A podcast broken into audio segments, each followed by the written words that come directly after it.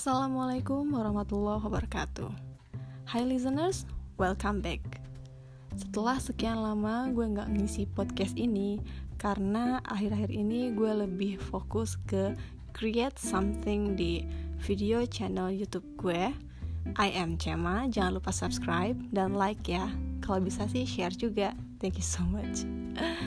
Akhirnya sekarang gue nongol di sini lagi dan bakal sedikit ngebahas tentang Tenang karena ridho orang tua.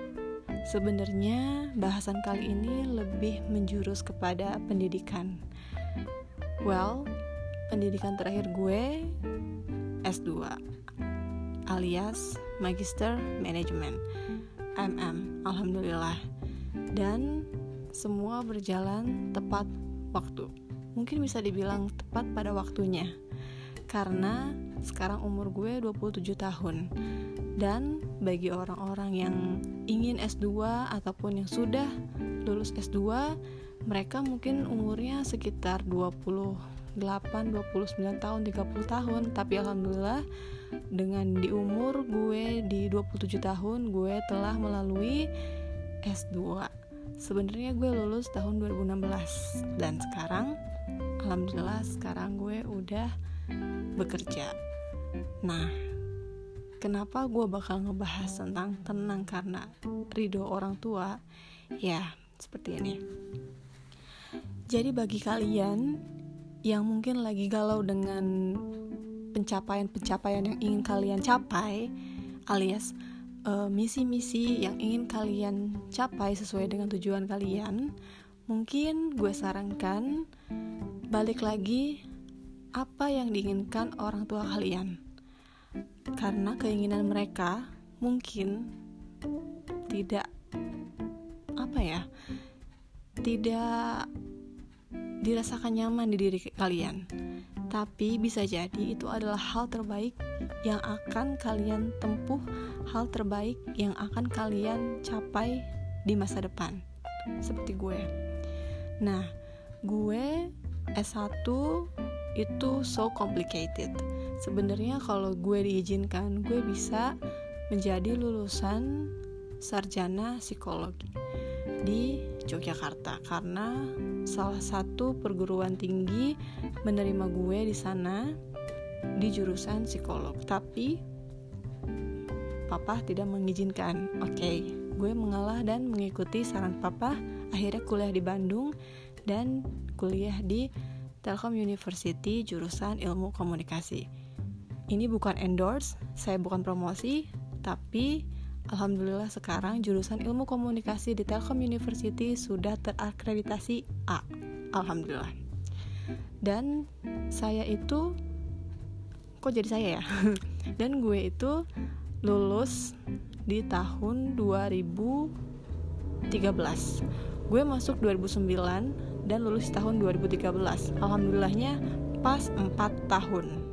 4 tahun adalah kriteria standar lulus uh, di perguruan tinggi strata 1 Alhamdulillah tanpa eh bukan tanpa sih banyak banget ujiannya banyak banget apa ya tantangannya apalagi saat zaman zamannya skripsi. Itu bener-bener so so unpredictable tapi alhamdulillah karena gue bertekad gue membahagiakan orang tua gue bertekad gue nggak boleh menyesal atas keputusan gue ini akhirnya gue jalanin dan lulus 4 tahun tercapai. Setelah itu 2013 gue break dulu uh, sampai 2014 itu gue kerja di Jakarta selama tiga tahun eh tiga tahun selama tiga bulan sorry. Tapi ternyata gue nggak ber, gak bertahan lama di sana karena orang tua gue kurang ridho kalau gue kerja di Jakarta pada zaman itu. Apalagi permasalahan salary-nya yang mungkin bisa harusnya lebih tinggi lagi karena kehidupan di Jakarta itu kan so hard. Nah, udah gitu selama tiga bulan gue kerja, akhirnya gue pikir-pikir uh, gue akan melanjutkan S2. Jadi setelah kerjaan gue selesai di sana kontraknya prohibitionnya gue melanjutkan S2 karena Kenapa? Karena papa satu ingin sekali anaknya salah satu dari anaknya itu lulus dengan gelar uh, master. Kalau bisa sih tiga-tiganya karena gue satu dari tiga bersaudara dan ingin sekali lebih dari papahnya. Tapi gue pengennya seperti papa. Seperti papa, papa itu uh, jurusan manajemen manajemen juga S2-nya jadi gue pengen manajemen manajemen dan sama persis seperti papa yaitu mengambil konsentrasi SDM atau sumber daya manusia atau bahasa Inggrisnya human resources.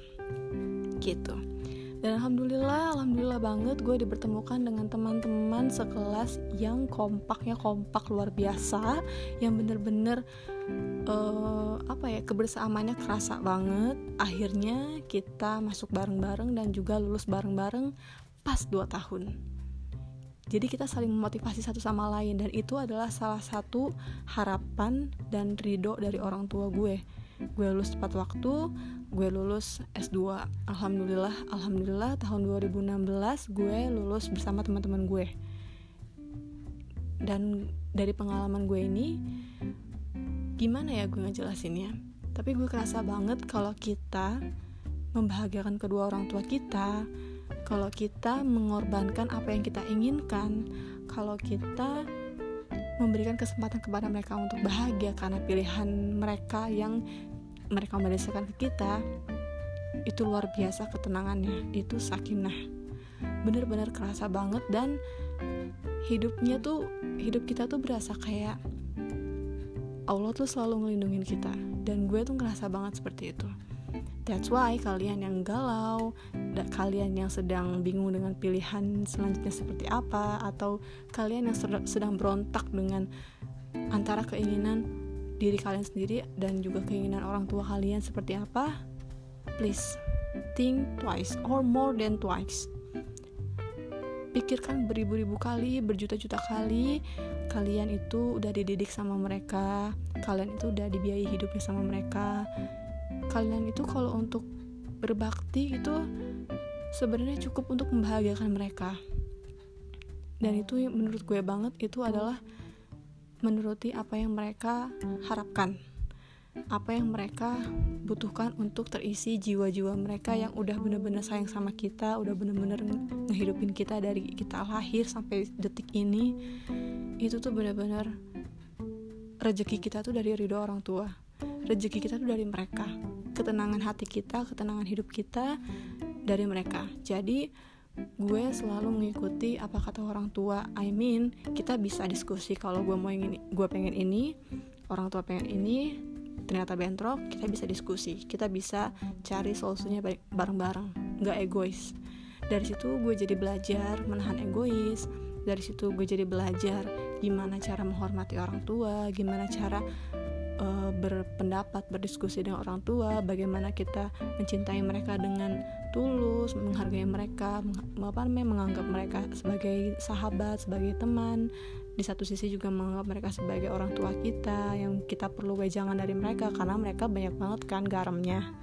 Jadi ya menurut gue kalau kalian yang lagi bingung dengan pilihan kalian kalau kalian yang lagi di persimpangan memilih yang mana balik lagi ke orang tua. Karena memang kalian milik Allah tapi ridho kalian itu ada di ridho orang tua. Jadi selama orang tua kalian gak ridho selama orang tua kalian susah untuk apa ya mengikhlaskan keputusan kalian itu jalan kalian akan terasa sulit dan rezekinya segitu-gitu aja.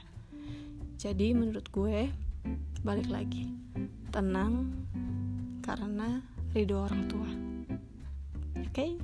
Semoga kalian bisa seperti aku, aku. Semoga kalian bisa seperti gue. Maksudnya semoga kisah gue ini menginspirasi karena semua itu datang tepat waktu kalau kita bersyukur terus dengan cara memperbaiki kualitas sholat, memperbaiki kualitas ibadah kita, memperbanyak sedekah kita ke orang-orang yang membutuhkan, juga bersabar. Okay? thank you so much udah ngedengerin. Semoga menginspirasi dan bermanfaat. Insya Allah hmm, podcast ini akan terus berjalan di Cema Talks dan juga jangan lupa ya subscribe YouTube gue di I am Cema. Thank you so much. Bye bye. Assalamualaikum warahmatullahi wabarakatuh.